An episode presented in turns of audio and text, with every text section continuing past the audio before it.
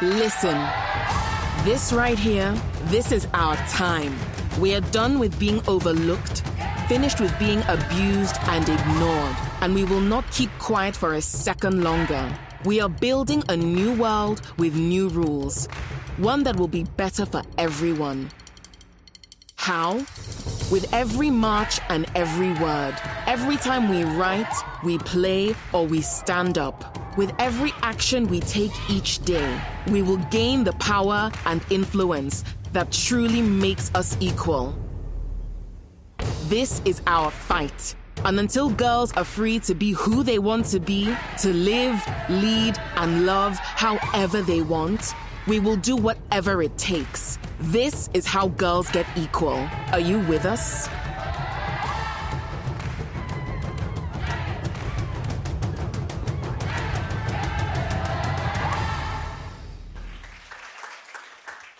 Hej allihopa! Det här är inledningen och vi vill uppmärksamma just den här dagen. Vet ni vad det är för dag idag? Är det någon som vet det? Internationella flickdagen. Helt rätt, Guffran. Eh, och innan vi börjar och prata om det här seminariet så vill jag bara lyfta två saker. Dels den internationella flickdagen, varför den är så viktig. Och sen så vill jag prata om vår agenda som ni nu sitter på. Så den får ni ta med er. Eh, och för det första så är vi väldigt glada och vill tacka FUF och Anna för att vi får vara här. Väldigt fint att vi kan vara här och prata om de här viktiga sakerna idag. Ja, det här med internationella flickdagen. Det är en dag där vi vill lyfta flickors lika villkor. Och den här dagen är ju viktig, inte bara för att vi var och knackade på FNs dörr för sju, åtta år sedan, utan för att varje dag så blir ju flickor kränkta. Man blir kränkta i hemmet, man blir kränkt på nätet, i staden. Och är man då också med om kriser och katastrofer, som vi ska prata om idag, så är, det, så är situationen mycket, mycket värre. Och bra idag så kommer 30 000 flickor under 18 år att bli bortgifta. Och över 5 000 flickor under 15 år kommer föda barn. Och ni här inne vet ju att jag menar, föder man barn när man är så ung, då är ju alla ens framtidsdrömmar krossade. Och dessutom så påverkar också nästa generation och hela stadsutvecklingen. För det är ju så att man har kommit fram till, Världsbanken har räknat på det här, att om flickor inte kan gå klart, de flickor som inte kan gå klart 12 års grundskola, det drabbar inte bara flickorna, utan det är en inkomstbortfall på 15 till 30 triljoner US-dollar per år. Så att det här med att satsa på flickor, det är ju inte bara rätt, utan det är också livsviktigt. Och inte bara för henne, och, inte för fram, och naturligtvis för framtida generationer, men också för samhället, som är de, det hållbara samhälle som vi vill bygga. Och ska vi nå de här hållbarhetsmålen som FN har satt ut till 2030, då behöver vi verkligen jobba med jämställdhetsfrågan. Det är en grundnyckel. Vi vill uppmärksamma den här dagen idag och vi har tagit fram en agenda för flickor med nio punkter som man kan använda själv eh, hemma. Man kan ge den till politiker, man kan ge den till sina chefer. Eh, av de här nio punkterna eh, så är det några som verkligen är viktiga när man pratar om tonårsflickor på flykt. Och det är naturligtvis att tonårsflickor på flykt drabbas i mycket, mycket större utsträckning av att man blir såld som barn. Eller barnäktenskap inträffar i mycket större grad och också våld. Och Det här kommer vi prata mer om idag. Eh, seminariet idag kommer lyfta tonårsflickor på kri i kris och vi har tagit fram plan då, tre rapporter som ser ut så här. Det handlar om Boko Harams framfart i Lake Chad och hur det påverkar flickor. Vi har tagit fram en rapport som handlar om rohingyas i Bangladesh och hur flickorna har det där. Och vi har tagit fram en rapport som handlar om situationen i Sydsudan och flickornas situation där. Så varmt välkomna till det här seminariet. Nu tänkte jag lämna över ordet till Anna på FUF.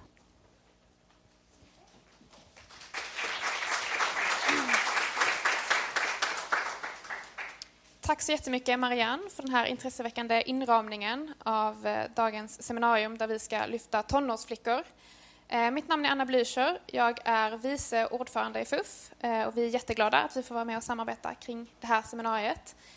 Eh, vi kommer att börja med att låta Agnes Björn, som är tillförordnad programchef på plan, att få berätta lite mer om de här rapporterna så att vi får mer kött, kött på benen inför den paneldiskussion som vi ska ha efter det.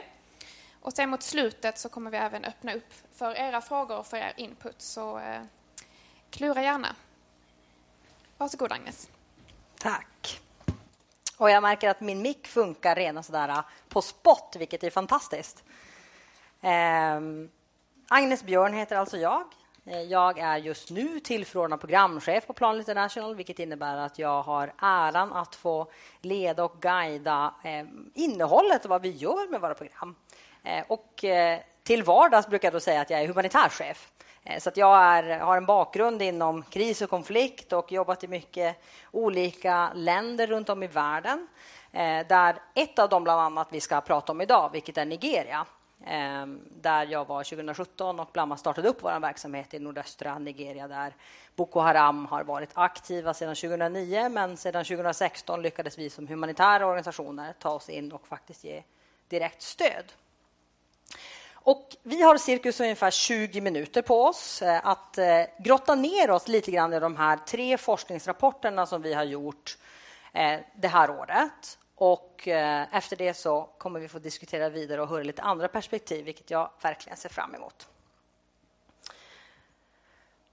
Men jag tänkte att vi skulle börja lite grann i utgångspunkten av varför har vi tagit fram tre forskningsrapporter som specifikt tittar på tonårsflickor i kris och konflikt. Ehm, och då ska vi komma ihåg att världen generellt blir faktiskt bättre. Om man tittar på mänsklig utveckling, det man kallar för Human Development Index, så har vi längre utbildning, vi lever längre idag, 70 år är medelåldern idag i världen. Ehm, det är färre barn och färre mödrar som dör generellt. Men vi har också ett antal platser i världen där utvecklingen faktiskt blir sämre.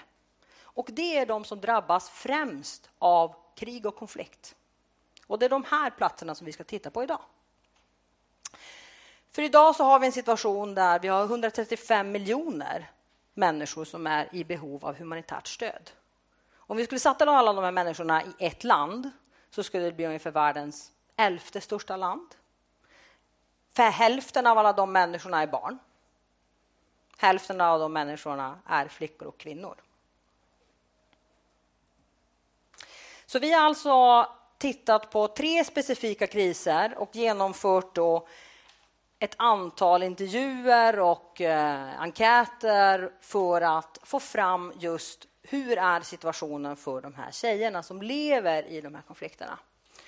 Och det är den här presentationen som jag nu ska försöka dra för er, att försöka samla ihop vad är det som vi har fått fram i de här tre forskningsrapporterna. Ehm, vi har med oss ett ex av varje här, men sen så finns de såklart tillgängliga på vår hemsida om ni skulle vilja läsa dem i sin helhet. Det finns också en sammanfattning om man bara vill köra två sidor, ska jag också tillägga, om man inte vill jobba sig igenom de 90 som varje är. Men vi ska också erkänna att vi har också självreflekterat lite grann på Plan International. Vi vet att, eh, att vi som barnrättsorganisation har jobbat med barns rättigheter och tittat på barnkonventionen som har liksom ett väldigt starkt stöd i Sverige men också runt om i världen. Och det finns också en hel del organisationer och en hel rörelse som handlar om kvinnors rättigheter. Men vi insåg att när vi började gräva lite grann mer och mer och även i vår egen verksamhet att vi hade svårt att nå fram till tonårstjejerna och undrade var är de? Vad är deras situation? Vad är, det de, vad är det de bär på? Vad är det de lever med? Så det är därför som vi har fokuserat specifikt på att titta på den här gruppen.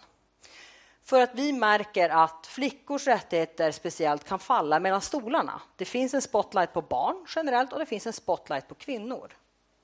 Men nu har vi sagt att vi ska sätta spotlighten på flickor. Innan jag går in på resultaten så brukar det alltid vara någon som känner ah, men hur har ni gjort den här studien? då? Vad är det, vad är det, vad är det, det bygger på?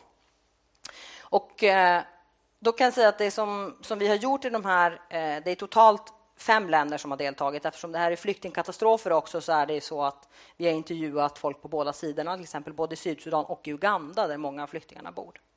Och den har genomförts tillsammans med eh, Monash University for Gender, Peace and Security som är ett australiensiskt universitet. Och eh, det bygger på eh, tusen personer som har deltagit och det är endast då tonårsflickor som vi har fokuserat på och intervjuat. Och både genom fokusgrupper, enkäter och djupintervjuer. Och det jag kommer beskriva är liksom tre stycken platser som vi ska ta oss till. Det går ju att prata hur länge som helst om just de här specifika kriserna. Vad är det för bakgrund? Varför? Och så vidare. Och det har vi tyvärr inte liksom 20 minuter på oss att göra. Jag hade kunnat prata bara om Boko Haram-krisen som jag själv har jobbat i, säkert i två timmar. Men då är frågan hur många av er som hade velat sitta kvar.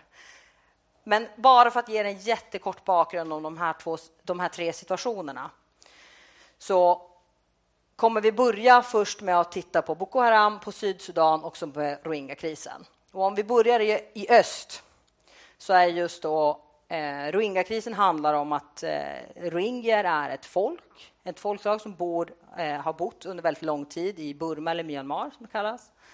Eh, och har sedan 2017 Eh, genomförts en stor offensiv för att driva ut dem och de har nu flytt över till Bangladesh. Det är en av världens eh, snabbast växande flyktingsituationer som vi har just nu. Där det är nästan uppemot en miljon människor som just nu bor då i temporära läger i Bangladesh. I Cox's Bazar som är det största området där det finns.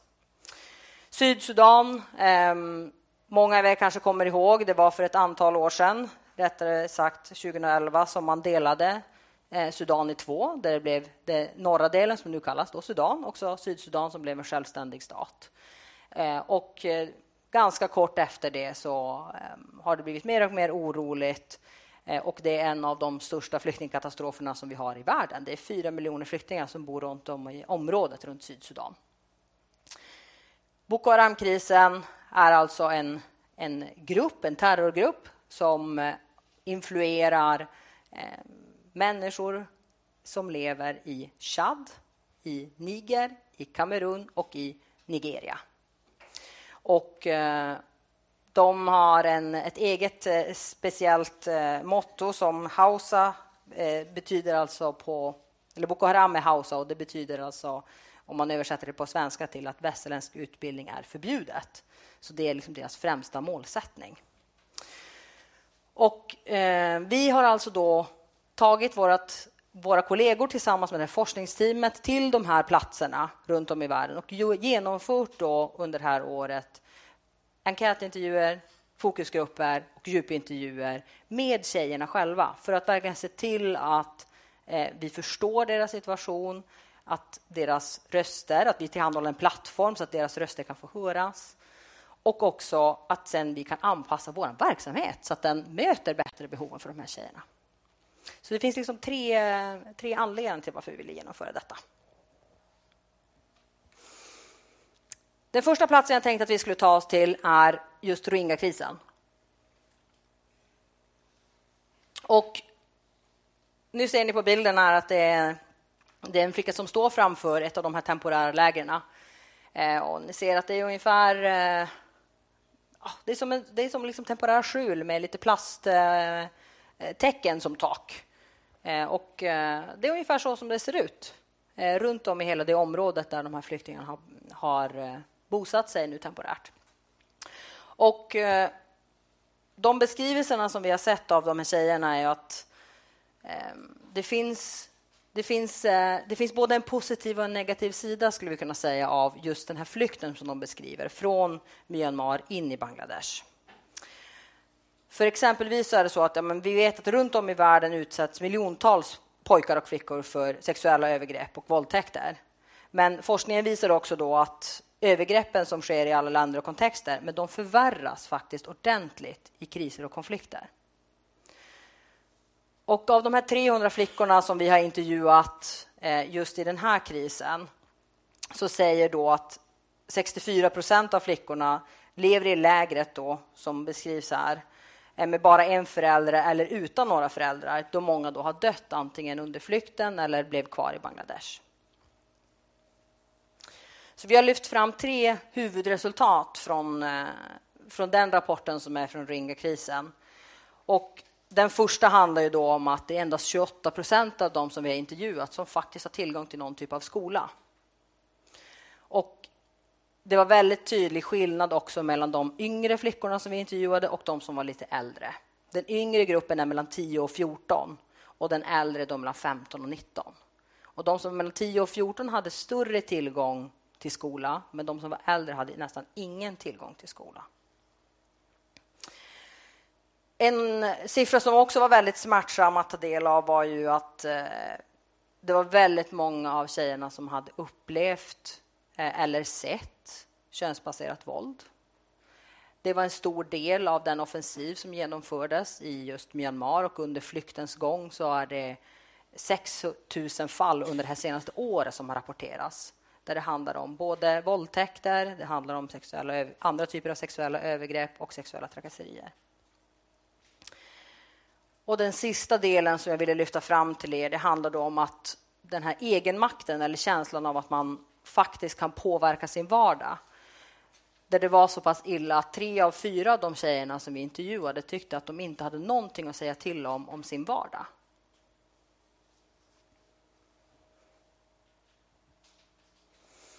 Men det fanns också en, en eh, ljusning som jag vill också lyfta fram till er. Och Det handlade om att man kände sig tryggare i Bangladesh än man hade gjort i Myanmar. Det fanns en beskrivning också av eh, en tjej som verkligen lyfte fram det här på, på ett fint sätt. Hon ville vara anonym, så att vi, vi har liksom inte hennes namn. så, men, eh, men hon beskriver det så här att efter jag kommit till Bangladesh känner jag mig gladare för att jag har räddats från förtrycket och tortyren från folket i Rakhine. Och Rakhine är då en delstat i Myanmar. Och det fanns också en beskrivning av vänskap som har uppstått, bland annat i de säkra platser som vi har etablerat i lägren. Där då tjejer kan komma och faktiskt träffa andra tjejer i samma situation. Och att man kunnat skapa sig nya sociala band som också ger en trygghet, ger en en chans att faktiskt prata med någon annan som har varit med om samma upplevelser och också att det finns trygga vuxna, vuxna runt omkring.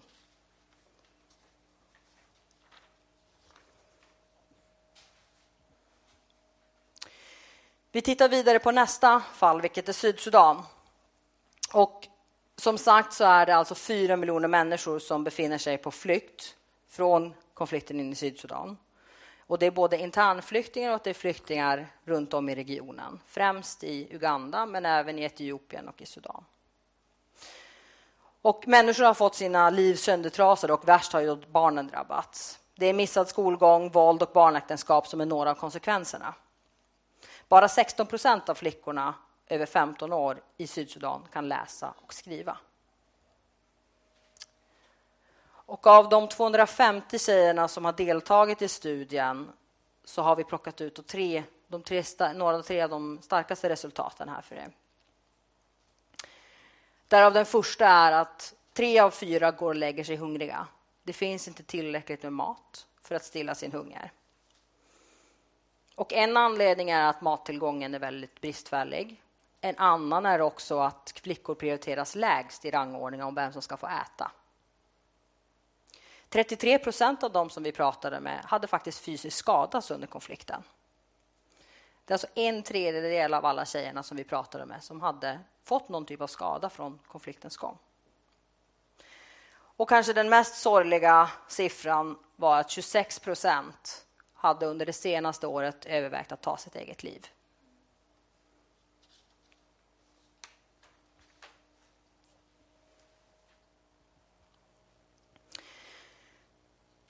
Och en av de tjejerna som vi pratade med då beskrev den här hopplösheten på, ett, eh, på det här sättet helt enkelt. Att jag är pessimistisk inför framtiden eftersom saker och ting bara blir värre här.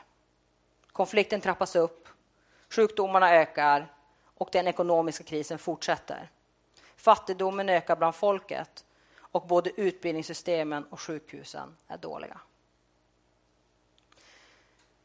Och jag kan säga att när vi genomförde just den här studien i Sydsudan så eh, blev vi faktiskt själva ganska chockade över just det här resultatet av den psykiska ohälsan och hur hopplösheten hade smugit sig in även hos de här unga människorna som istället borde tänka framåt och känna sig you know, i början av livet eh, och ha liksom en möjlighet av vad framtiden ska innebära. Men många rapporterar om en väldig hopplöshet.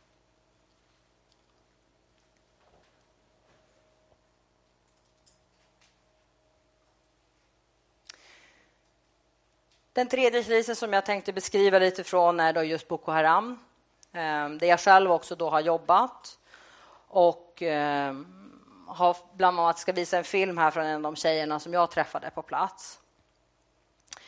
Och Boko Haram är ju, eh, eller Boko Haram-krisen är väldigt speciell på det sättet eftersom den har som ett av sina yttersta mål att bland annat förstöra för flickor. Flickor har blivit specifika måltavlor för Boko Harams våld och speciellt flickskolor. En del av er kanske till och med kommer ihåg kidnappningen av de Chibok-flickorna som gjordes 2014 när det blev väldigt stort ramaskri skulle jag säga globalt. Flickorna attackeras, kidnappas, våldtas, tvingas in i äktenskap och tvingas även numera utföra självmordsbombningar. För ju mer radikaliserad Boko Haram blir och tillbakapressad, desto mer drastiska deras metoder blir. Och vi har intervjuat ungefär 500 tjejer i de tre länderna där vi jobbar, vilket är Kamerun, Niger och nordöstra Nigeria.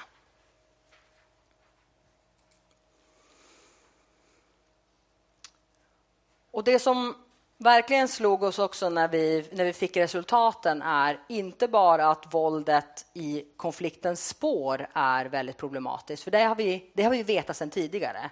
Om man, om man lyssnar till någonting av det som Boko Haram säger eller pratar med de tjejerna som jag har gjort som har lyckats fly från Boko, Boko Harams våld så vet man att det är en väldigt våldsutsatt situation.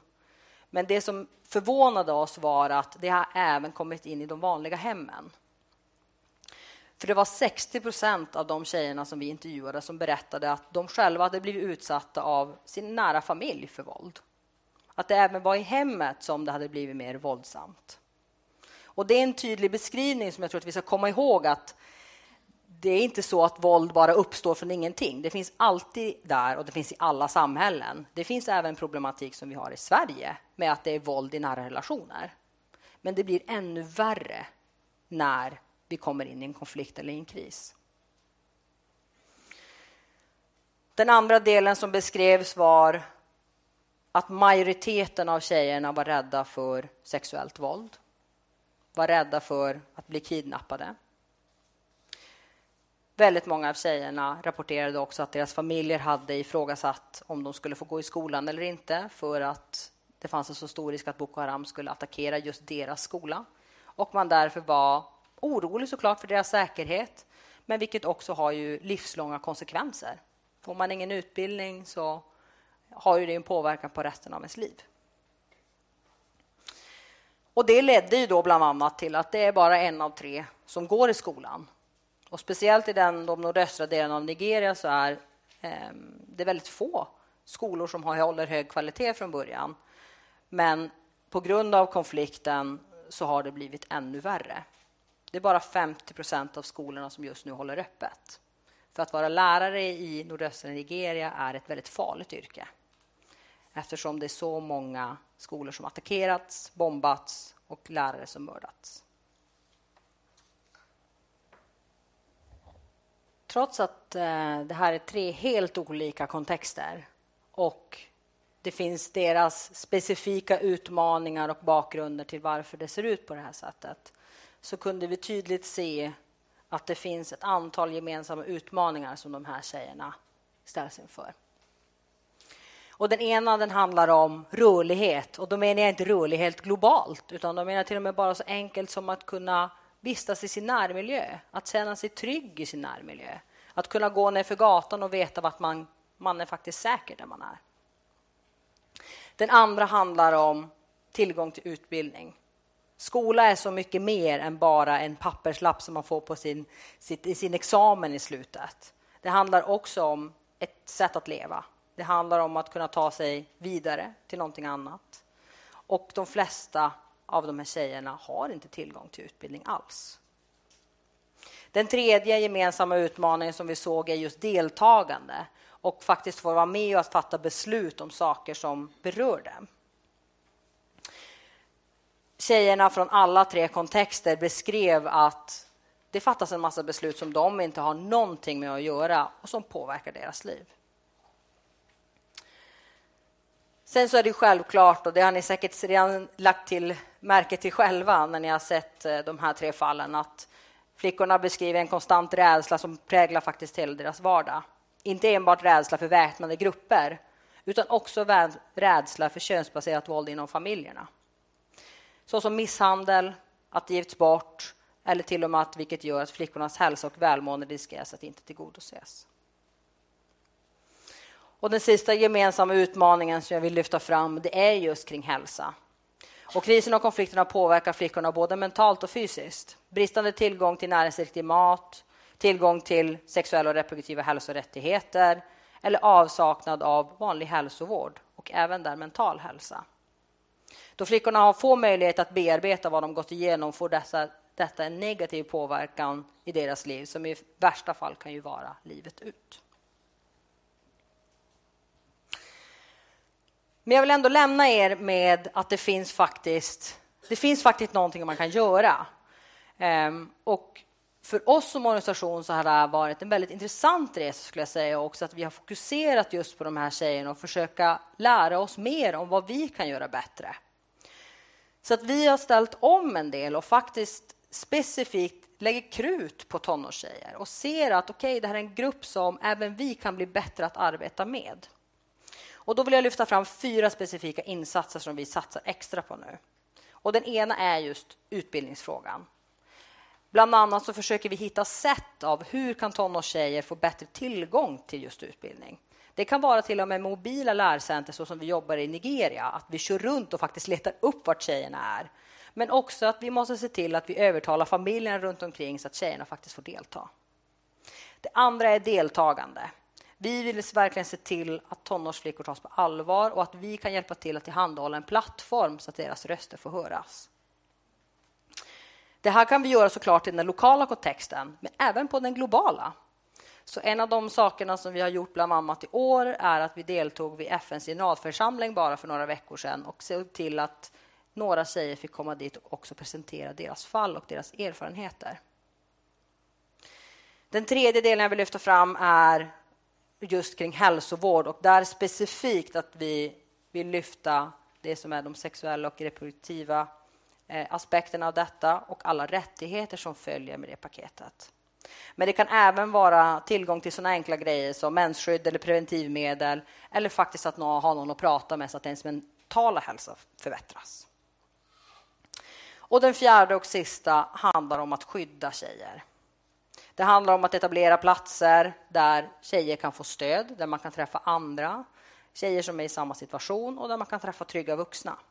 Det handlar om att stötta individuella fall som har drabbats extra hårt med både eh, juridisk hjälp eller att de behöver få komma i kontakt med rätt typ av sjukvård eller vad det än kan behövas. Och samtidigt behöver vi arbeta också med det förebyggande arbetet, vilket inkluderar bland annat lagstiftning eller försöka påverka de som är makthavare eller förändra attityder som diskriminerar flickorna i samhället. Och med det tänkte jag säga tack för att ni har orkat lyssna på de här delarna och eh, så lämnar jag tillbaka ordet till Anna.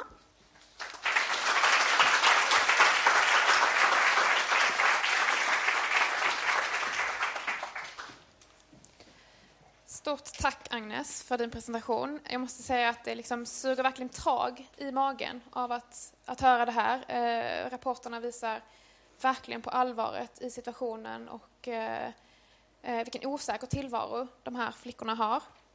Eh, och vi ska nu gå över i en paneldiskussion för att eh, komma framåt i de här frågorna. Eh, så jag tänkte börja med att välkomna eh, Gufran Aladaf upp på scen. Eh, du är ambassadör för eh, eh, frågor om barn och väpnade konflikt på Utrikesdepartementet där du ansvarar för samordningen av arbetet på, inom Sveriges utrikes och utvecklingspolitik. Du kommer att få berätta lite mer om vad den här rollen innebär. också varmt välkommen till Petra Töttner Andorf. Du är generalsekreterare på Kvinna till kvinna ni eh, arbetar med, eh, eller för kvinnors rättigheter eh, och organisering i 20 länder och finns på plats där det kanske är som tuffast att vara kvinna. Jag tänkte börja med dig, Gufran. Du har ju nyligen varit i flyktingläger i Bangladesh och träffat rohingyas som har flytt våldet i Myanmar. Vad, kan du berätta om vad du mötte där och situationen för rohingyas? Mm. Och också gärna reflektera över eh, Agnes presentation. Känner du igen dig? Ja, tack snälla. Vad himla eh, fint att så många kunde eh, komma och lyssna på det här. Det är ju superviktigt, verkligen. Eh, och varje dag borde väl ändå vara flickdag och inte bara en dag per år, mm. tycker jag. Eh, ja, jag var i eh, Bangladesh i slutet på eh, april månad. Så det är ju eh, några månader sen. Men eh, jag skulle nog tro att situationen kanske är ungefär densamma. Sen har jag också kollegor från Sida här som också var där i juni. Så jag vet inte riktigt var du sitter Ingela, jag ser inte dig. Där sitter du, så vi kan väl komplettera varandra här. För Ingela jobbade för, in, för bara några veckor sedan på min enhet på, på UD mm. men nu är tillbaka på sin ordinarie tjänst i, eh, på Sida. Så vi kan väl eh, komplettera varandra ifall jag glömmer bort någonting. Men eh, ja, det var en väldigt eh, känslosam resa skulle jag vilja säga på väldigt många plan. Eh, jag var där med en eh, kollega eh, också från samma enhet. Jag jobbar på konflikt och humanitära konfliktenheter. Ah, nu kan jag inte ens namnet på min egen... Ni har så svåra enhetsnamn på UD. Så det... Konflikt och humanitära frågor. Eh, och eh, ja, Delvis så, så, kommer jag att berätta lite mer om vad jag gör eh, i den här kapaciteten. Men en del av det jag gör är att genomföra barnkonsultationer. Och det var därför jag åkte till, till Bangladesh och just Cox, Cox's Bazar lägren för rohingya-flyktingar. Vi ska komma ihåg att eh, 55 procent av eh, invånarna i Cox's Bazar är barn. 55 procent. Det är väldigt, väldigt många barn som är där och en hel del som är ensamma. Så att jag var där för att, för att träffa barnen, för att verkligen sätta mig ner, prata med dem, lyssna på dem.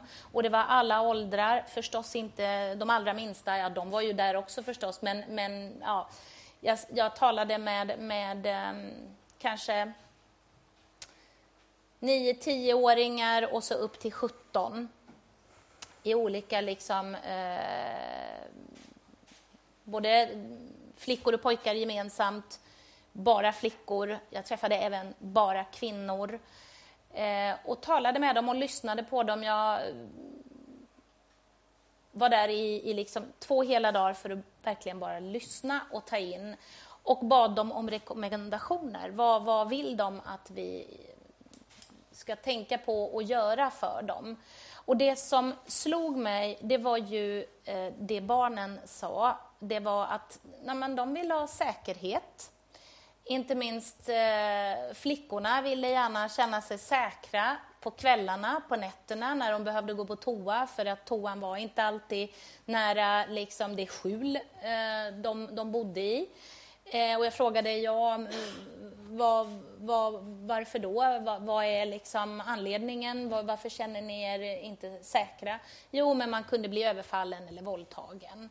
Så, så osäkert eh, var det. Och då fick man ju vänta eller väcka någon, någon lillebror eller någon storebror som fick liksom följa med en. Så det, det var väldigt starkt. Sen ville de ha mat, tillräckligt med mat. Det tyckte de inte de hade. Kläder. Jag kunde se själv med egna ögon hur småbarn, kanske upp till fem år, kunde gå nakna, liksom, eh, helt nakna eh, ute i lägret. Och det, det, det gjorde riktigt, riktigt ont. Alltså, det, det fanns inte ens liksom, kläder. Eh, alla barn jag talade med ville gå i skolan, för det är så att i mm, de här lägren eh, så får barn undervisning. Jag kan inte säga att det är skola, därför att man får inte kalla det för skola eh, i Bangladesh. Man, Bangladeshs politik är att man vill inte permanenta eh, den här flyktingsituationen.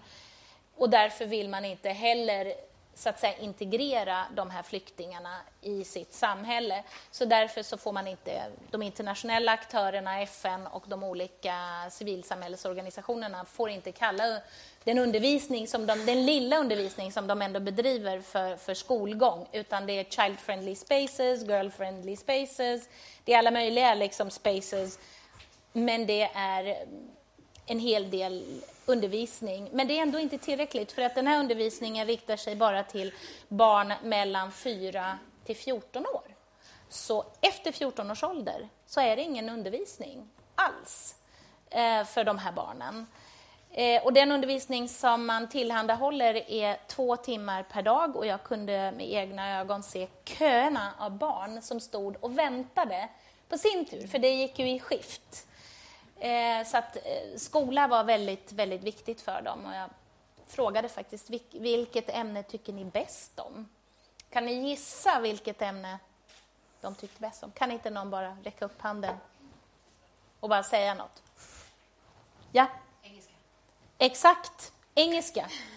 Och detta, och jag frågade, oj, engelska, varför då? Jo, men engelska var så himla bra liksom att kunna de hade väl förstått någonstans att det här är liksom eh, världsspråket och man kan kommunicera med det och att det var bra att lära sig det. Och detta, parentes måste jag säga, det återkommer i de allra flesta barnkonsultationer som jag har varit med om eh, och genomfört. Så att, eh, det är väldigt intressant. Just engelska är någonting som de ville ha. Eh, de eh, ville ha fred. De ville i alla fall i i den kontexten absolut inte tvingas åka tillbaka till Myanmar. Det var liksom, för det har ju varit väldigt mycket tal om det och det finns ett eh, rätt så löst avtal mellan, mellan Bangladesh och Myanmar om att eh, flyktingarna ska återvända. Eh, och vi har hela tiden sagt, och UNHCR har sagt, att det måste ske under ordnade förhållanden och inte under tvång. Eh, och hittills har ju inte detta infunnit sig, så de kan inte åka tillbaka eller gå tillbaka.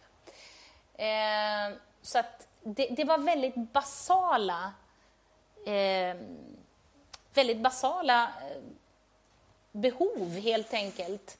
Det var inte liksom, åh jag vill ha en lyxbil eller en lyxvilla. Jag vill bara leva i fred, jag vill ha mat, jag vill ha utbildning, jag vill känna mig säker. Och det är ju liksom inte mycket begärt, tycker jag. Tack så mycket Guffren. Petra, ni på Kvinna till kvinna jobbar ju också mycket i eh, eh, konflikt och krig eh, och, och utsatta situationer. Eh, hur, eh, vad är din reflektion? Känner du igen dig i det Agnes presenterar från ert arbete? Absolut.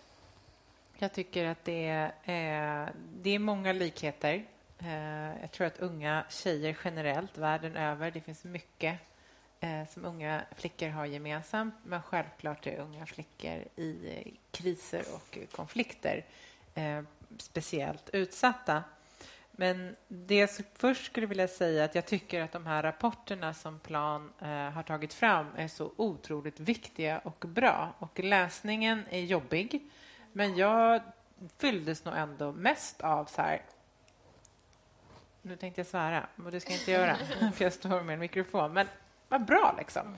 Så himla skönt att det för en gångs skull är fokus eh, på vad då nästan kan vara en majoritet av invånarna i de här kontexterna också, som faktiskt det är någon som sitter ner och lyssnar, att de får prata till punkt.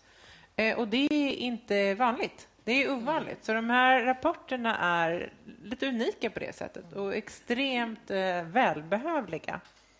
Och jag tycker också att det är positivt att, liksom att det självklart handlar det om den utsatthet de har men också att man berör då den positiva kraft och den vilja att gå framåt. Sen är det självklart väldigt deprimerande att höra om den psykiska ohälsa eh, som tas upp Eh, men ändå, det finns en tråd i de här rapporterna tycker jag ändå som visar på unga flickors aktörskap och det är så otroligt viktigt.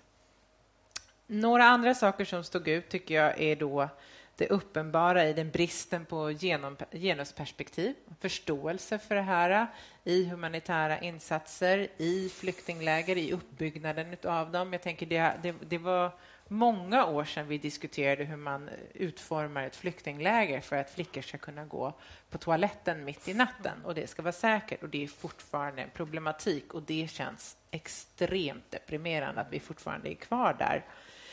Eh, och Det jag också tycker är intressant i, och det berörde ni här, du räknade upp de här sista punkterna, men det handlar ju om eh, flickors säkerhet. Eh, och jag tycker då den här prioriteringen alltid, kvinna till kvinna startade ju under Balkankrigen och har ju våra rötter både i den svenska kvinnorörelsen och fredsrörelsen. Så just den här dimensionen har alltid varit väldigt viktig för oss och det är konfliktdrabbade områden som vi eh, verkar. Men den här uppenbara bristen på fokus och prioritering av mänsklig säkerhet. Mm. Och där de kommer in då, att de här flickorna går och lägger sig hungriga.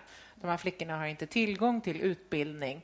De här flickorna kan inte röra sig fritt i, i de områden där de befinner sig. Och någonting som jag tycker att det är som är viktigt att dra på, och självklart nu när jag satt och lyssnade på din redovisning men även läste de här, så det går, tankarna går ju till Nobelpristagarna, tänker jag, som ändå har satt ljuset på de här frågorna. Eh, och det är ju fantastiskt på det sätt, men det som både doktor eh, Mukwege och Nadia Murad har fört fram är ju den här totala strafffriheten eh, mot sexuellt våld mot unga flickor. Och den är ju tudelad, för det betyder dels att de, de kommer, den individen, den unga flickan eller kvinnan, kommer inte få upprättelse för den hemska akt som de har varit utsatt för och förövaren vet att det här är inget problem, det här kan man göra, det är en total straffrihet. Så det var ingenting som berördes direkt i rapporten, men jag tycker det var någonting som jag läste in i där, att det här är ju självklart en dimension. Och hur de pratar om att vi vet ju att ja, när en konflikt ökar, då går våldsnivåerna i samhället upp. Men just för unga flickor och kvinnor, våldsnivåerna fortsätter att vara höga när det officiella fredsavtalet är påskrivet. Och det vittnar ju de här rapporterna om också. Extremt höga våldsnivåer i hemmen och att flickorna där är rädda. Och att då familjerna censurerar sina flickor liksom i deras rörelsemönster. De vågar inte skicka dem till skolan. Mm. Men att även tjejerna själva antagligen censurerar sitt beteende. Att om man vet att det här kommer jag bli ut, risk, riskera att bli utsatt för sexuella trakasserier eller kanske till och med sexuellt våld. Ja, eh, vad, vad är, hur mycket är det värt att, att gå dit eller att göra det här? Och om jag då ska knyta ihop den här säcken eh, som det jag började med, att det, de här, bland de här människorna, de här unga kvinnorna som är liksom en del av att bygga sina länders framtid det, det, slår ju tillbaka mot deras aktörskap. Då. Dels blir de inte tillfrågade nu, men situationen som den är gör det ju extremt svårt för de här unga tjejerna att vara de aktörer som de behöver vara för sig själva och även för vår skull och hela sitt eh, lands skull. Så ja, verkligen tack. Eh, jag tror att ni och vi kommer ha mycket användning av de här rapporterna framöver. Det känns som vi skulle kunna ha ett seminarium om varje eh, specifikt eh, tema. Tack så mycket Petra. En, en följdfråga på det. Um, ser, ni, ser, du att det finns någon skillnad i uh, tonårsflickors upplevelser och behov i förhållande till kvinnor? Eh, ja, det tycker jag nog att det gör. Även om det är mycket som är lika så tänker jag ändå att tonårsflickor eh, de är ju trots allt barn tills dess att de fyller 18 år. Eh, och eh, det är en skillnad på vad, vad man kan kräva och ska kräva av vuxna människor i ett samhälle och vad man kan kräva och ska kräva av barn i ett samhälle. Eh, och det är även skillnad på... Det vi I patriarkala eh, samhällen eh, så är det ju både kvinnor och män som upprätthåller de här. Man tittar på till exempel exemplet som du gav, att familjerna vill inte skicka sina döttrar till skola. Det är ju självklart även mammor och mormödrar och farmödrar eh, som upprätthåller det av kanske då good intentions för att man vill hålla sin, sin dotter, sina döttrar säkra och utan att liksom kanske ha möjligheten och kraften och kunskapen att reflektera över de långsiktiga eh, konsekvenserna. Och sen är det ju självklart liksom att det är eh, liksom barnäktenskap unga flickor som gifts bort. Jag var i eh, Libanon för två veckor sedan eh, och hade, fick möjlighet att sitta ner med en partnerorganisation som hade eh, samtal. Med, och då var det både äldre kvinnor och yngre kvinnor att just diskutera barnäktenskap och vad man kan göra åt det.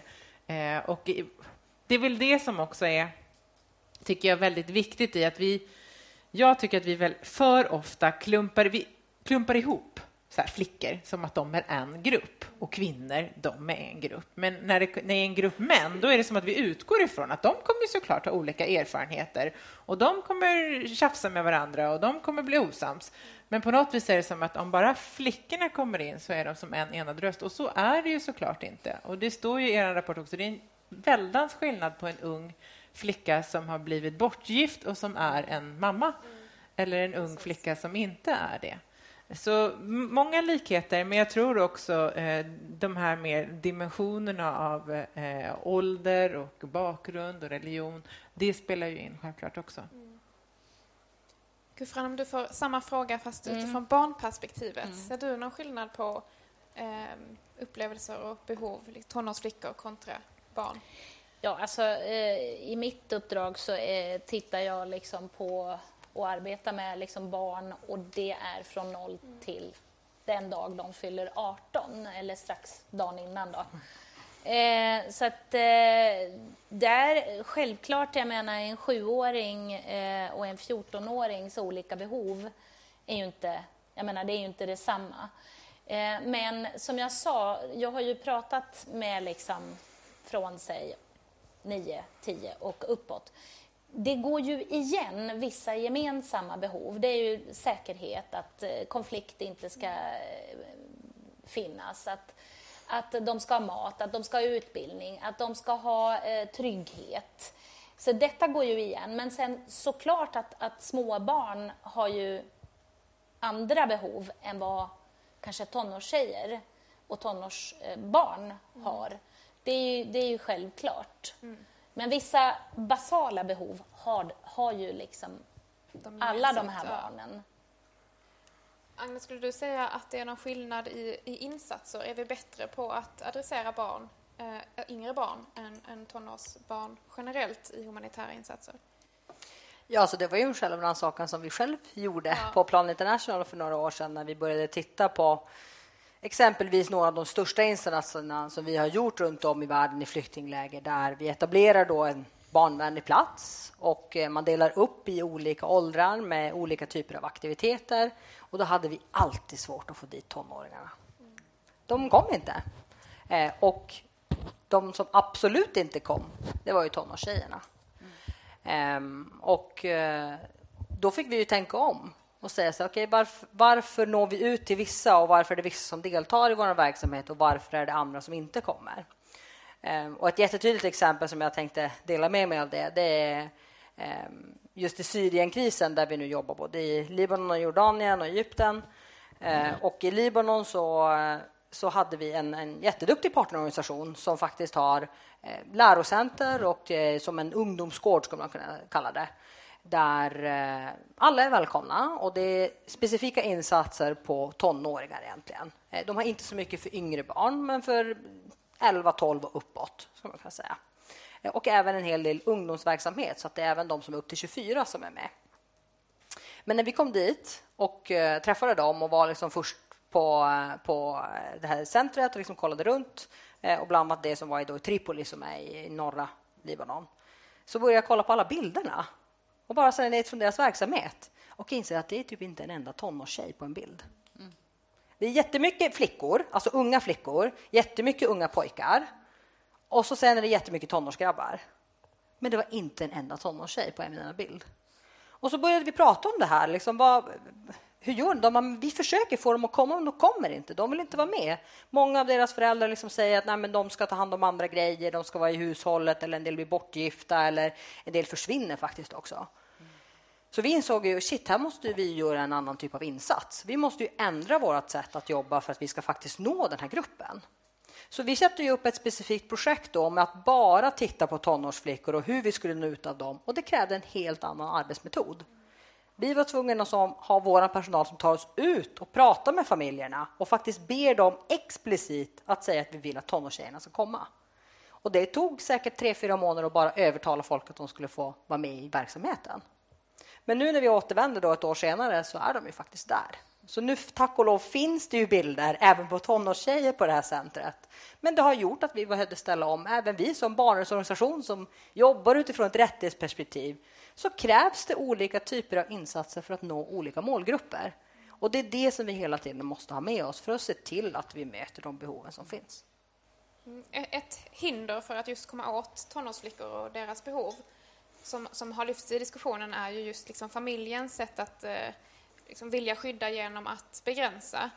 Eh, Peter, några andra, finns det andra hinder för eh, att nå eh, tonårsflickor eller att liksom se till att deras situation tas på allvar? Ja, jag tänker, ja, det, det, finns ju ett antal saker, men jag tror att mycket bottnar i den här också här, bilden av hur flickor är och hur pojkar är. Så om man tittar till exempel på Eh, säkerhetsrådet antog ju en resolution för något år sedan eh, om, som heter 2250, som är Youth, Peace and Security, eh, som kan ses då lite som en ja, den grundresolutionen som kvinnorörelsen arbetat länge utifrån Women, Peace and Security, resolution 1325. Eh, och I resolution 2250, och det är lite ironiskt eftersom den på många sätt är lite copy-paste på 1325 fast man har tagit bort kvinnor och lagt till youth istället. Eh, men så har man ändå lite fallet i den här genusfällan i att om man tänker ungdomar, fred och säkerhet. Mm, vad händer här? Postkonflikt. Det finns massa unga män. Eh, de är ute på gatorna. Eh, de kan radikaliseras. De är en fara för vår säkerhet framåt. Eh, och så tänker man, men, men, flickor är ju, de är ju fredliga, de, de, de, är bra, de bidrar positivt. Och så går resurserna till att hantera eh, unga män och pojkar för att inte bli radikaliserade. Det är väl jättebra. Det är inget problem med det. Problemet är att resurserna då inte lika mycket går då till den då i sådana fall. Om man nu utgår ifrån att flickor på något vis har någon sorts liksom, biologiskt naturligt fredliga, vilket jag inte tror på, eh, utan om man nu ska, även om man gör det så finns det ju en kraft och en förändringsmöjlighet i den här gruppen av unga kvinnor och flickor. Men den kapitaliserar man inte på, den använder man inte på, den satsar man inte på. Så på det sättet eh, så blir det ett hinder för eh, tjejer och vi vet även av humanitära insatser i den, här, den, globala studien som vi refererar till som kom för några år sedan som tittade på kvinnor, fred och säkerhetsagendan där det var extremt få av de humanitära insatserna som uttalat har mål för att jobba med den här gruppen, att ha ett genusperspektiv och jobba med den här gruppen. Så by default så blir det ett hinder för sig, för det är ingen som ser dem som aktörer på det sättet som ni lyfter mm. eh, i er rapport. Sen finns det ju dessutom så att det börjar bli vanligare och vanligare att unga flickor också faktiskt blir radikaliserade och att de också tar upp vapen, för det blir en, en möjlighet till försörjning och överlevnad. Men samma sak där så ser vi då att när det sen handlar om så här reintegration-program och att få tillbaka dem in i samhället så är man fortfarande mest orolig för de här unga pojkarna och männen, vad de ska ta sig till och då glöms flickorna eh, bort där. Så jag tror att den här, de här generella eh, stereotyperna av hur vi tittar på unga män och tittar på unga flickor är ett stort eh, hinder. Och sen så vill jag lyfta det som du pratade om i din presentation, vikten av säkra rum. Att prioritera det, och som ni sa, i den här uppsökande verksamheten. Att de här unga tjejerna kommer inte att komma självmant, för de är inte vana vid att bli tillfrågade. De är inte vana vid att vara den grupp som någon faktiskt bryr sig om. Men det såg vi på, det var en av de grundbyggstenar eh, som Kvinna till kvinna började verksamheten i på Balkan. Eh, förutom den mobila gynkliniken så handlar det om att skapa säkra rum för de kvinnor och flickor som var i flyktinglägren. Och där, med det långsiktiga stödet som vi och Sverige och andra aktörer kunde ge dem, så kan ju vi se nu 25 år senare att många av de här grupperingarna som började verkligen rent som så här, vi måste komma och prata, lite traumabearbetning, har ju vuxit in till eh, rättighetsorganisationer till kvinnoorganisationer som idag driver de här frågorna i sina länder långsiktigt för kvinnors rättigheter, för förändrad lagstiftning. Så det finns ju en otrolig potential, för jag tror och liksom att det är väldigt, de, folk vill ju vara med och bygga sitt framtida land när krisen är över. Så hitta den här kombinationen av de långsiktiga insatserna även under krisen, att kunna kombinera dem, ha två saker i huvudet samtidigt. Det skulle undanröja väldigt många hinder för att se den potential som många tjejer har i samhällsförändring. Håller du med om den analysen, Gufran, att det liksom saknas ett genusperspektiv i ja. arbetet även med barn? Ja, alltså jag, jag, skulle vilja säga att vi, vi jobbar ju väldigt mycket med det eh, i det arbete som, som både jag gör men också hela liksom, eh, regeringens feministiska utrikespolitik.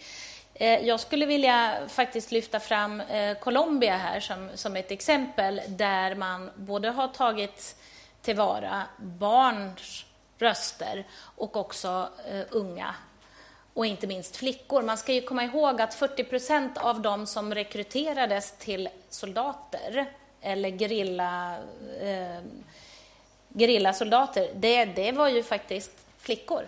40 procent. Och det glömmer vi bort. Även i det här så glömmer vi bort att flickor rekryteras eh, till de olika grupperna eller av, av reguljära arméer. Eh, och det, det, är ju en av de grejer som vi tittar på. Det är en av de så att säga sex eh, grova brotten eh, som, som man kan utsätta barn Man kan utsätta barn för en lista av, av, av brott, men det är ju de sex grova brotten som vi tittar på och som vi utgår ifrån eh, i det här arbetet. Jag vet inte om jag kanske ska dra de sex grova brotten. Det är dödande och lemlästande, det är rekrytering och användning av barn, det är sexuellt våld, attacker mot skolor och sjukhus och förhindrande av humanitär assistans till barn och det är bortförande av barn, det vill säga kidnappningar. Eh, så att, eh, men i Colombia-fallet som nu då liksom, är, liksom, är, är eh, lite grann i bokhyllan. Eh, vi vet inte riktigt hur det kommer att gå med, med processen där, men, men där har ju faktiskt eh, barn och unga fått vara med i den fredsprocessen. Eh, och förra året så, så hade vi, genomförde vi faktiskt barnkonsultationer tillsammans med Plan International. Där sitter Rut som var med mig i Colombia där vi lyssnade på, på barn och unga eh, och där de är faktiskt en aktör så att säga, så man försöker ta tillvara på deras, på deras röster. Men annars så absolut, självklart måste vi ta in det här perspektivet i, alla, i allt det vi, vi arbetar med. Och det, jag menar, Sverige har ju också fört in även eh, genderperspektivet i barn och väpnad konflikt. Men fortfarande så försöker vi att liksom titta på barn som barn. Eh, så att så. Mm. Men du håller med om att genusperspektivet måste man stärka? I Absolut, i alla lägen. Ja. Um, vi ska blicka lite framåt och vilken skillnad Sverige kan göra och svenska organisationer. Vilken skillnad kan du göra i din roll som ambassadör för barn och väpnad konflikt? Uh, jag tänker också kopplat till Sveriges roll i säkerhetsrådet mm. och uh, ordförandeskapet för den här FN-arbetsgruppen för barn och väpnat våld. Väpnad konflikt. Väpnad konflikt. ja, alltså eh,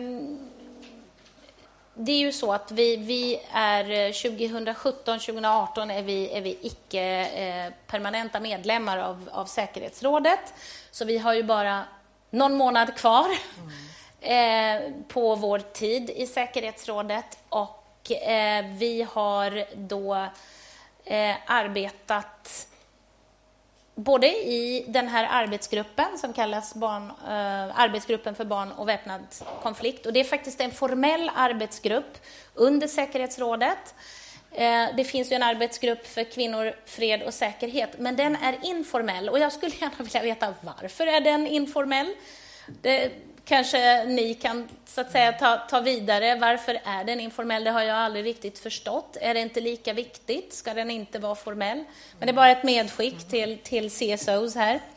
Eh, men arbetsgruppen har då eh, haft Sverige som ordförande nu i snart två år. Vi har haft ambitionen att göra arbetet eh, mer fältorienterat. Vi har haft ambitionen att mainstreama barn och väpnad konflikt text och, och så att säga wordings i liksom säkerhetsrådet. Eh, vi har eh, arbetat med, med att göra den här arbetsgruppen mer effektiv. Vi har fram tills idag eh, behandlat och klubbat igenom eh, Eh, sju stycken eh, landrekommendationer och två är på gång. Två till innan vi lämnar över stafettpinnen. Vi vet inte riktigt vem som tar över efter oss, men vi har våra gissningar. Eh, så att vi har verkligen försökt att, att effektivisera. Vi har bjudit in eh, eh den speciella representanten för barn och väpnad konflikt att komma och tala i säkerhetsrådet om olika eh, landkontexter. Eh, och inte minst så har också Sverige under juli månad varit, varit ordförande i hela säkerhetsrådet. Och då har vi också hållit i den öppna debatten om barn och väpnad konflikt och där vi också har klubbat igenom en ny resolution på barn och väpnad konflikt, resolution 2427. Och det är faktiskt den resolution som Sverige äger helt och hållet, så den är vi väldigt stolta över. Och allt det här arbetet har ju vi inte kunnat göra helt själva. Jag har till exempel här i Stockholm, men också mina kollegor i New York, haft eh, barnrättsorganisationer och andra MR-organisationer till hjälp. Eh, det vi gör i New York är ju liksom eh, en del i, i det arbete som bland annat jag gör då här. Eh, vi har ju tillsammans med bland annat Plan International och andra MR-organisationer, barnrättsorganisationer, kommit fram till fyra prioriteringar som vi ska jobba med och som vi har jobbat med under de här två åren. Och det, den första prioriteringen är just implementeringen av barn och väpnad konfliktagendan. Det vill säga att man verkligen tittar på de här sex grova brotten och att inte länder kommer säga nej, men jag vill inte vara med på eh, bilagan till eh, generalsekreterarens årliga rapport om barn och väpnad konflikt, för det finns ju faktiskt sådana exempel. Eh, så det har varit väldigt viktigt att vi implementerar den och att vi mainstreamar och gör också arbetet mer, mer fältorienterat. Sen har vi ju då eh, haft prioriteringen att lyssna på barn, att få barns röster hörda. Och det har jag tillsammans med, med barnrättsorganisationer genomfört, verkligen. Vi har ju haft eh, barnkonsultationer i flera länder, vi har haft ett jättestort eh, barnforum. Barn har fått skicka in sina rekommendationer och de har vi faktiskt tagit med oss till, till säkerhetsrådet, inte minst statsministern visade upp dem och alla hade det liksom på sina stolar eh, i säkerhetsrådet under just den öppna debatten när vi antog resolutionen. Och flera av barnens så att säga, rekommendationer eh, de finns ju inte med i exakt ordagrann liksom, eh, citat i den här resolutionen, men de andas eh, i den här resolutionen. Eh, så att, jag får nog stoppa det där. Ja, får, får, jag bara... Äh, ba, ba, ba, bara äh, barns utbildning och barns rätt till hälsa är också väldigt viktigt. Det är fyra prioriteringar som vi har jobbat utifrån. Mm. Ja, jag ska släppa in dig, Agnes. Eh, ni lämnar ju flera rekommendationer i era rapporter. Finns det någonting som ni ser att Sverige skulle kunna göra liksom redan på kort sikt? Mm. Med tanke på att tiden är kort, låt mig ge en rekommendation till kanske oss allihop, skulle jag säga snarare. Um, vilket vi även, den självrannsakan som vi gjorde var, vem är det vi frågar? Och det kan vi alla tänka på. Att oavsett när man säger, vi har konsulterat. Okej, okay, men vem? Mm. Representation är allt. Man ska inte bli representerad genom någon annan. Och väldigt många av representationen som genomförs är tyvärr, det vet vi, medelålders män. Och tyvärr, även om man har väldigt goda intentioner mm. så kan man inte representera någon annan och deras talan. Så det är liksom någonting som vi tar med oss, det är det som jag hoppas att Sverige kan ta med sig och jag hoppas att vi alla kan ta med oss det, att faktiskt ifrågasätta vem är det som blir tillfrågad? För där kan vi faktiskt ju allihop göra skillnad. tack. Jag tror att vi kommer lämna över till eh, er i publiken att ställa frågor. Ja. Springa runt med micken så att de som är på streaming också hör. Eh, vi har inte pratat, eller ni är här än, så mycket om Agenda 2030. Men 16.2 som säger att 2030 ska mm. världens länder ha eliminerat allt våld mot barn. Mm. Så det är inte bara att skydda barn i väpnad konflikt, utan det är ju faktiskt mm. också att eliminera de väpnade konflikterna. Och då undrar jag, vad gör ni allihopa mm. för det? Jag tänker att vi kan ta ett par frågor, om vi har fler. Då får ni gärna svara. Mm. Ja. Vad gör vi för att eliminera alla världens konflikter? Allt vi kan. Ja, allt vi kan. Vill du börja, Agnes? men jag kan, så en jättekort medskick. Alltså det är ju verkligen... Det finns två huvudsakliga mål som jag skulle säga vårt arbete kring detta relaterat till med eh, Agenda 2030. Och det är ju mål 5 som är om jämställdhet och så är det mål 16 som handlar om fredliga och inkluderande samhällen. Och det som är det spännande med Agenda 2030 eller hållbarhetsmålen är att de är beroende av varandra. Så det är lite grann det vi försöker belysa idag, att man måste titta på hur de är kopplade till varann och det går inte att bygga fredliga och inkluderande samhällen om vi inte jobbar med jämställdhet och vice versa. Så jag tror det är så vi måste se det som en helhet och en agenda. Och det är ju ett medskick som vi faktiskt har diskuterat ganska mycket inom speciellt den internationella forumen är att alla jobbar i sitt lilla silo med sitt eget lilla mål. Men de är ju faktiskt connectade till varandra. Så där kan vi allihop försöka hitta ett bättre sätt att faktiskt se hur de påverkar varandra i olika typer av målsättningar. Mm. Ja, det var ett bra svar. Eh, det finns ju också ett mål om, om partnerskap som jag mm. tänker att Agenda 2030 eh, görs lite unik och att agendan till skillnad från millenniemålen också faktiskt gäller alla världens länder, inte bara utvecklingsländerna, eh, som är väldigt intressant. Det jag tänker på utifrån eh, att arbeta förebyggande så handlar det ju om att bygga upp starka institutioner och ett starkt civilsamhälle. Och där tänker jag att där har Sverige en stor roll. Sverige är en ganska ensam röst för att fokusera på de här frågorna, ta in de här tematiska mm. frågorna i säkerhetsrådet, i säker, säkerhetspolitiska fora och debatter och just att trycka på vikten av det civila samhället. Eh, för det är ju någonstans där vi ändå får tro på att de människor, eh, vuxna och unga vuxna då, eh, själva vet bäst vad som behövs eh, i deras egna samhällen och att jobba långsiktigt under eh, kriser och konflikter också tror jag är en otroligt viktig del som Sverige kan bidra med, som Sverige redan arbetar på för att förebygga nya konflikter. Mm. Alltså lite slå ihop det humanitära och liksom det långsiktiga utvecklingsbeståndet, att man får det att jobba bättre ihop. Ja, det behöver slå ihop eller slå ihop, men det båda behöver ske parallellt. Det behöver ske. Jag tänker alla de mål, det ni pratar om i era rapporter, behovet av utbildning, mm. det är ju ett långsiktigt utvecklingsmål för alla länder och det behöver ske även under humanitära mm.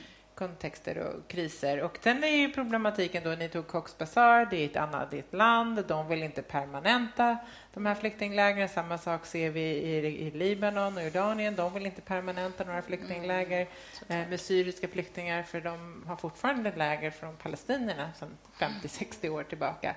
Så det är ju många dimensioner eh, i de här frågorna, men det undantar ju inte, vi vet ju det, och det gav ni siffror i början på, ett utbildat folk, ut, när man utbildar alla, mm. vad det får för ekonomiska boostar för ett samhälle, men även säkerhetsmässigt. Mm. Ja, alltså, jag, jag, jobbar ju på en enhet som heter eh, konflikthanterings och, och liksom humanitära frågor. Så att, eh, vi jobbar ju hela tiden med olika konflikter och vi jobbar hela tiden med konfliktförebyggande. Eh, det finns ju olika eh, strategier som Sida arbetar utifrån, bland annat eh, strategin om hållbar fred.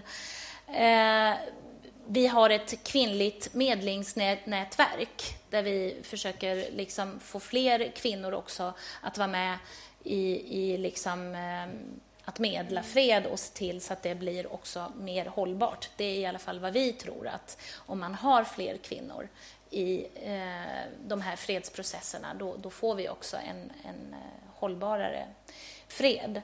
Jag vill bara säga någonting också om, om utbildning. Det är så viktigt eh, med, med utbildning därför att om man tittar, och som jag då tittar på, på barnperspektivet, att om man har en konflikt som sen mynnar ut i ett krig och flykt, barn tenderar att droppa av skolan, eh, de hamnar i en grå arbetsmarknad i dess bästa former, i dess sämsta former och scenarier i, i liksom, eh, slavarbete eller sexuellt eh, sexindustrin. Så att utbildning är jätteviktigt. Sida har eh, i dagarna Antingen, jag är inte helt uppdaterad, men jag tror att de har precis beslutat eller ska besluta om att ge ett eh, bidrag till Education Cannot Wait. Och det är, eh, det, det är eh, under eh, Unicef-paraplyt, men de är liksom egna och självständiga. Och de ska in i konflikter precis innan FN och andra internationella eh, icke-statliga organisationer kommer in. Där man kan sätta igång utbildning. För annars, man brukar ju säga att det är en humanitär mm. kontext, att ja, men utbildning det, det är liksom inte livs så att säga, uppehållande. Men det är det. Utbildning är superviktigt och därför så har, har det här då eh, bidraget eh, för i år givits. Där, där, man erkänner att utbildning mm. är faktiskt livsavgörande. Ja, men särskilt när konflikter är så himla utdragna ja, så är det absolut. ju en jätteviktig del. Har vi fler frågor från publiken? Jag tror vi hinner med några till. Ja.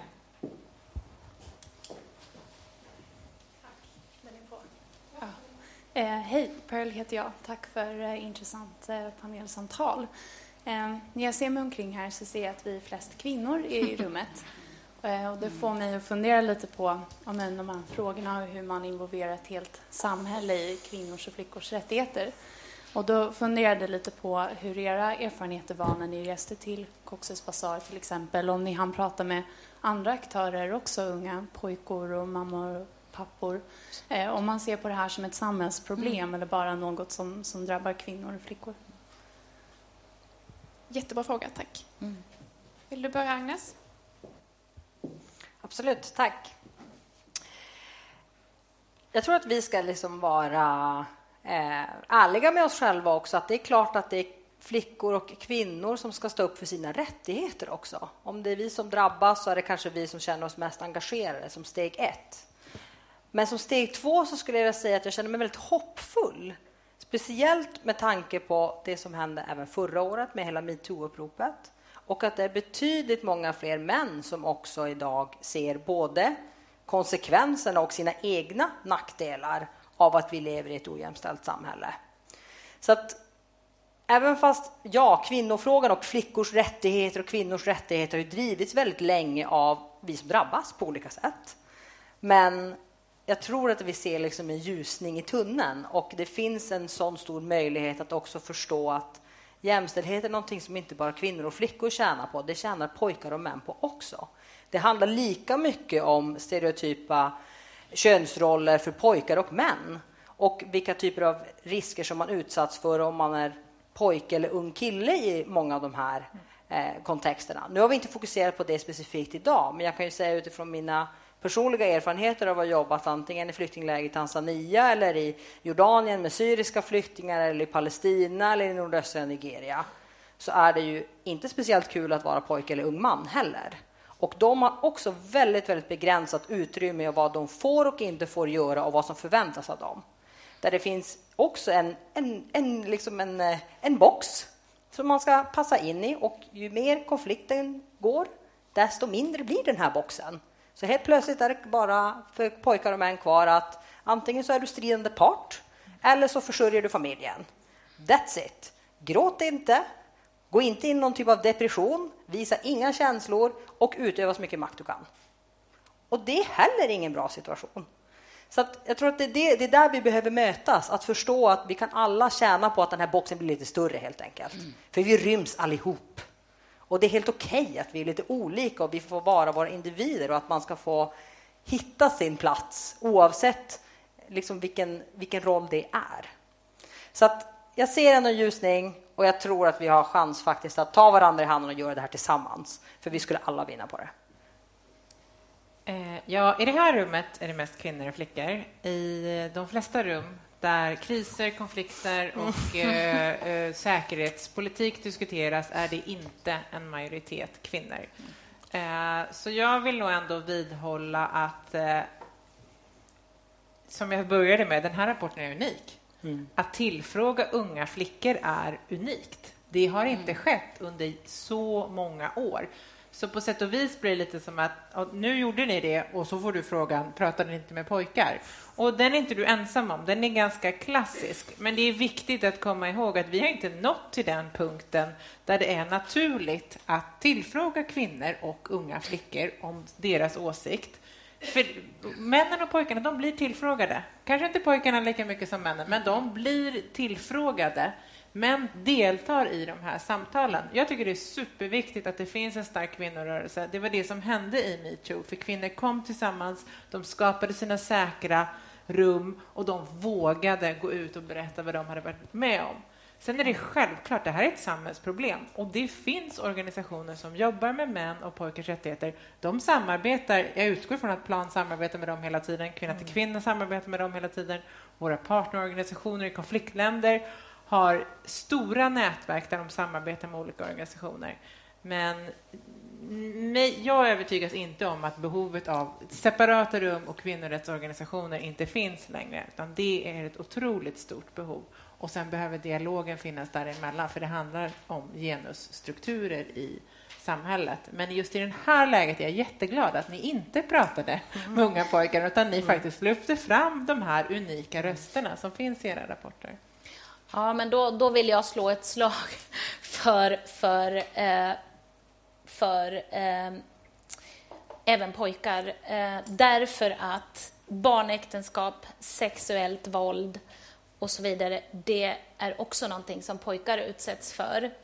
Eh, och det talas faktiskt inte så mycket om.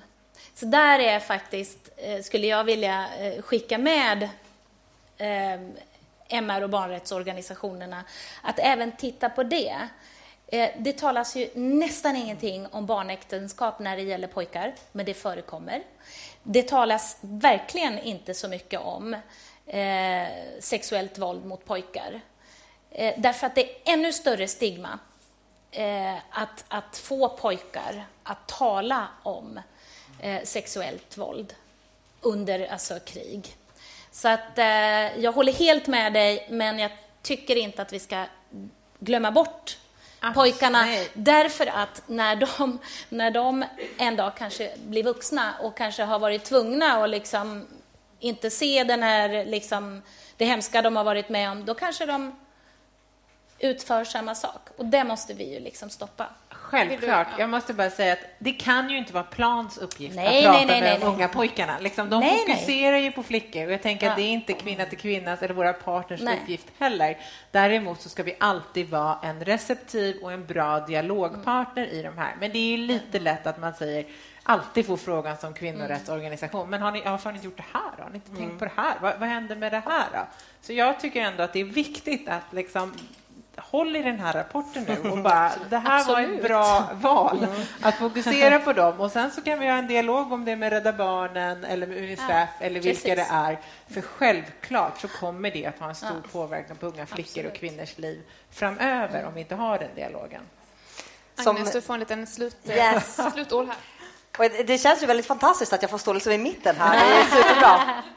Jag skulle säga bara som, en, som ett liksom medskick är Eh, vi är ju en barnrättsorganisation som fokuserar specifikt på flickors lika villkor. Mm, eh, men det innebär också att vi jobbar med pojkar och män, bland annat genom ett jättestort globalt program som heter Champions of Change. Eh, och där är det främst eh, fokuserat på att arbeta om maskulinitetsfrågor mm, också. Precis. Att jobba med pojkar och, eh, och män, men främst unga pojkar eftersom vi är en barnrättsorganisation, men även jobbar en del med unga upp till 24. Och att igen då, liksom för att ge en chans till att bredda den här boxen. Mm. Jag tror det är det som, som vi ska alla ta med oss. Mm. Men, men det får inte bli eh, den här konstanta känslan av att, eh, att, att flickor och kvinnors röster så fort som man får komma fram, att man, ja men vadå, varför har inte de fått bli tillfrågade? För att i de allra flesta rum som jag är i globalt, kan jag säga, även inom min egen organisation, så är jag bland män. Eh, som ett, bara som en referens, fram till för det här året var jag den enda humanitära chefen som var kvinna i hela vår organisation av 10 000 medarbetare. Så att jag tror att liksom, vi är i Sverige. Det är en fantastisk, liksom, finns fantastiska kvinnor i Sverige som är väldigt engagerade, speciellt inom internationella frågor. Men in the world, my God, vi är inte där än. Så att eh, eh vi får fortsätta hålla fanan högt, tror jag, eh, och liksom stötta varandra i det. Tack så mycket, Agnes. Eh, jättebra slutord för mm. eh, det här seminariet. Eh, jättekul att så många ville komma. Jag hoppas att ni har lärt er lika mycket som jag har gjort. Det har varit jättespännande att lyssna på era kloka inspel. Och jätteviktigt att det här lyfts. Jag vet att Plan också har en social media-kampanj idag. Mm.